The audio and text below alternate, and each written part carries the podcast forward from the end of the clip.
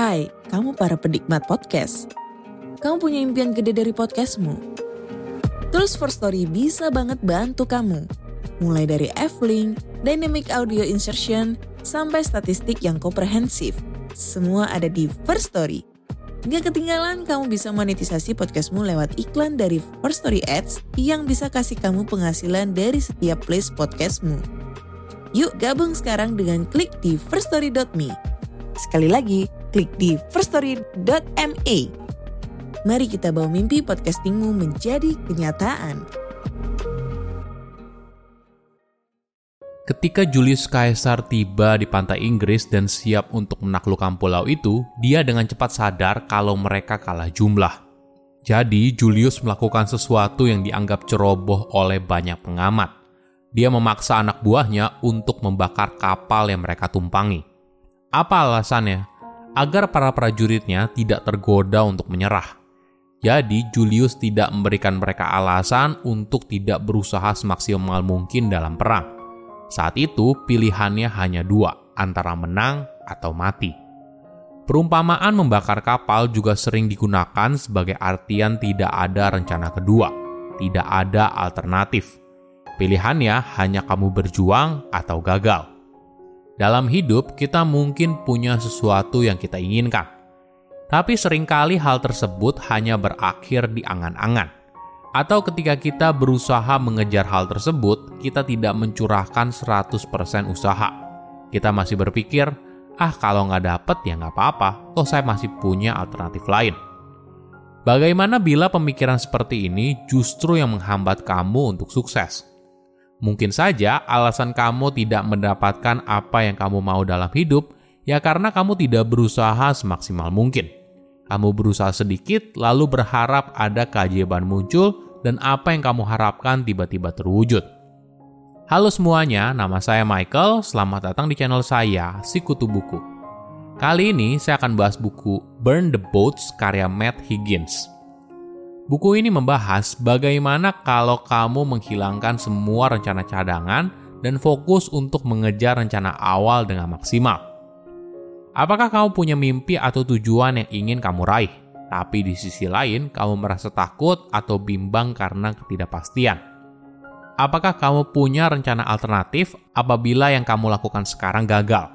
Jika iya, penulis berpendapat hal ini justru membuat kamu mensabotase diri.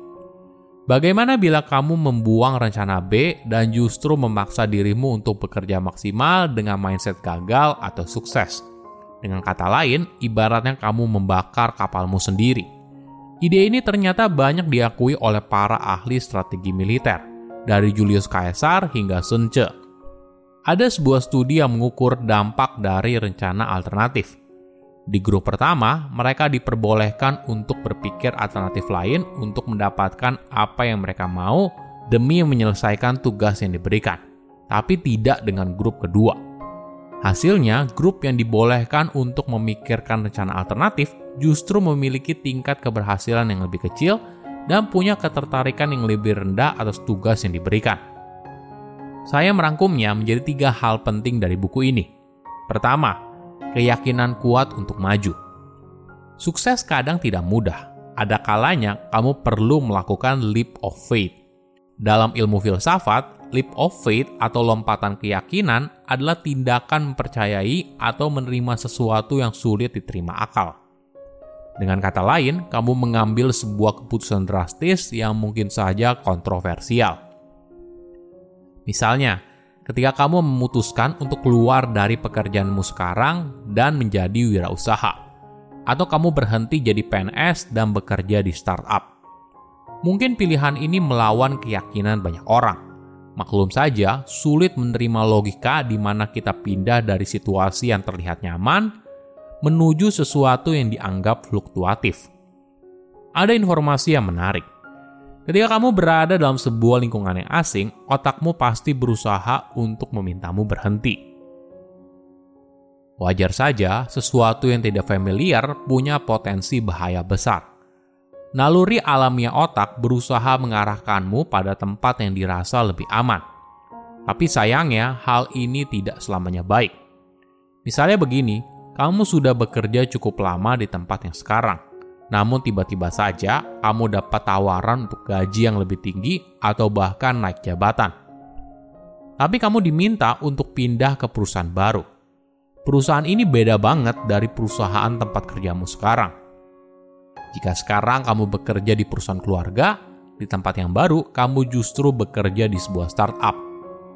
Pilihan apa yang kamu ambil? Mungkin perlu disadari, tidak akan pernah ada waktu yang tepat untuk bertindak. Jadi ketika muncul sebuah kesempatan, apakah kamu berani bergerak sekarang atau tidak? Apakah kamu memilih sesuatu yang baru dengan kemungkinan masa depan yang lebih baik, atau kamu puas dengan kondisi saat ini? Hal lain yang menghambat kamu mungkin karena kamu memerlukan validasi orang lain. Bisa saja selama ini kamu tidak percaya diri atas pilihan yang kamu ambil. Jadi ketika membuat sebuah keputusan, apalagi sebuah keputusan besar, kamu berusaha untuk minta pendapat orang lain. Kamu butuh validasi dan dukungan moral dari mereka. Tentu saja hal ini baik, tapi perlu dipahami, kamu adalah orang satu-satunya yang tahu apa yang kamu mau. Kedua, hidup pasca burn the boats. Apa yang terjadi ketika kamu mengambil sebuah keputusan yang besar? Wajar saja kalau kamu punya ketakutan dan kecemasan. Apalagi jika setelah dijalani kok makin lama makin berat. Kita mungkin saja tergoda untuk menginjak rem dan putar balik.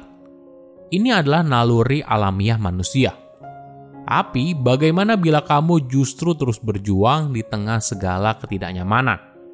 Mungkin saja sedikit rasa takut yang muncul justru baik.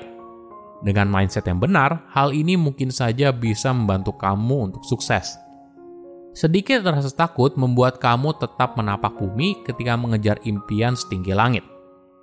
Bagaimana bila justru ketakutan dan kecemasan menghentikan langkahmu?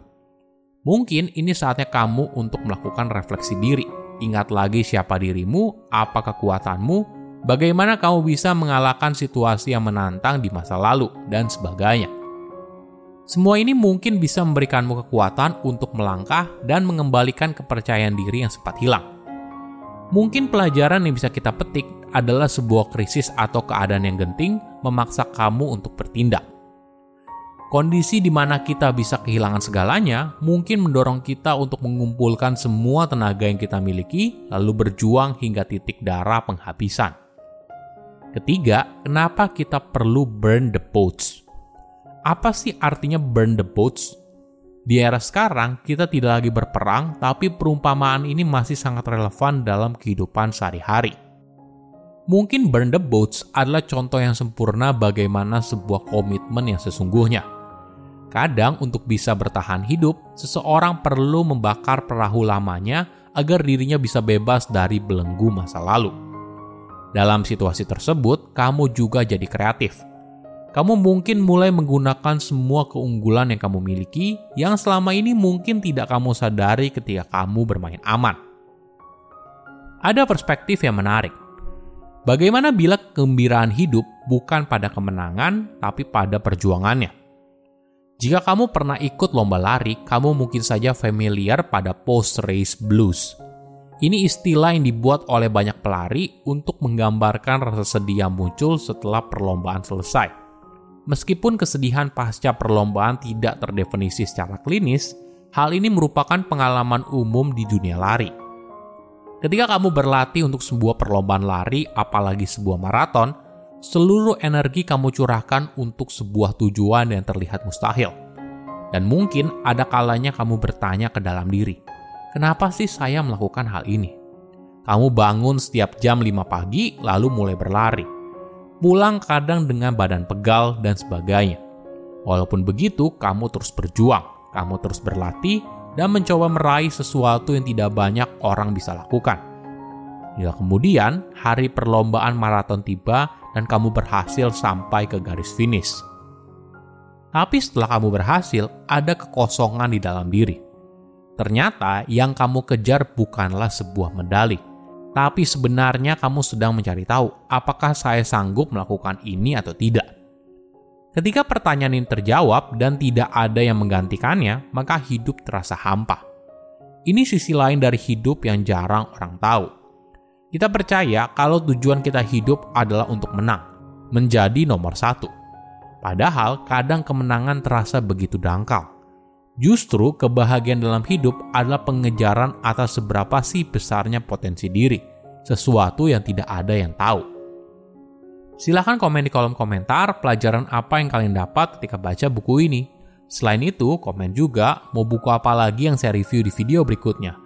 Saya undur diri, jangan lupa subscribe channel YouTube Sikutu Buku. Bye bye.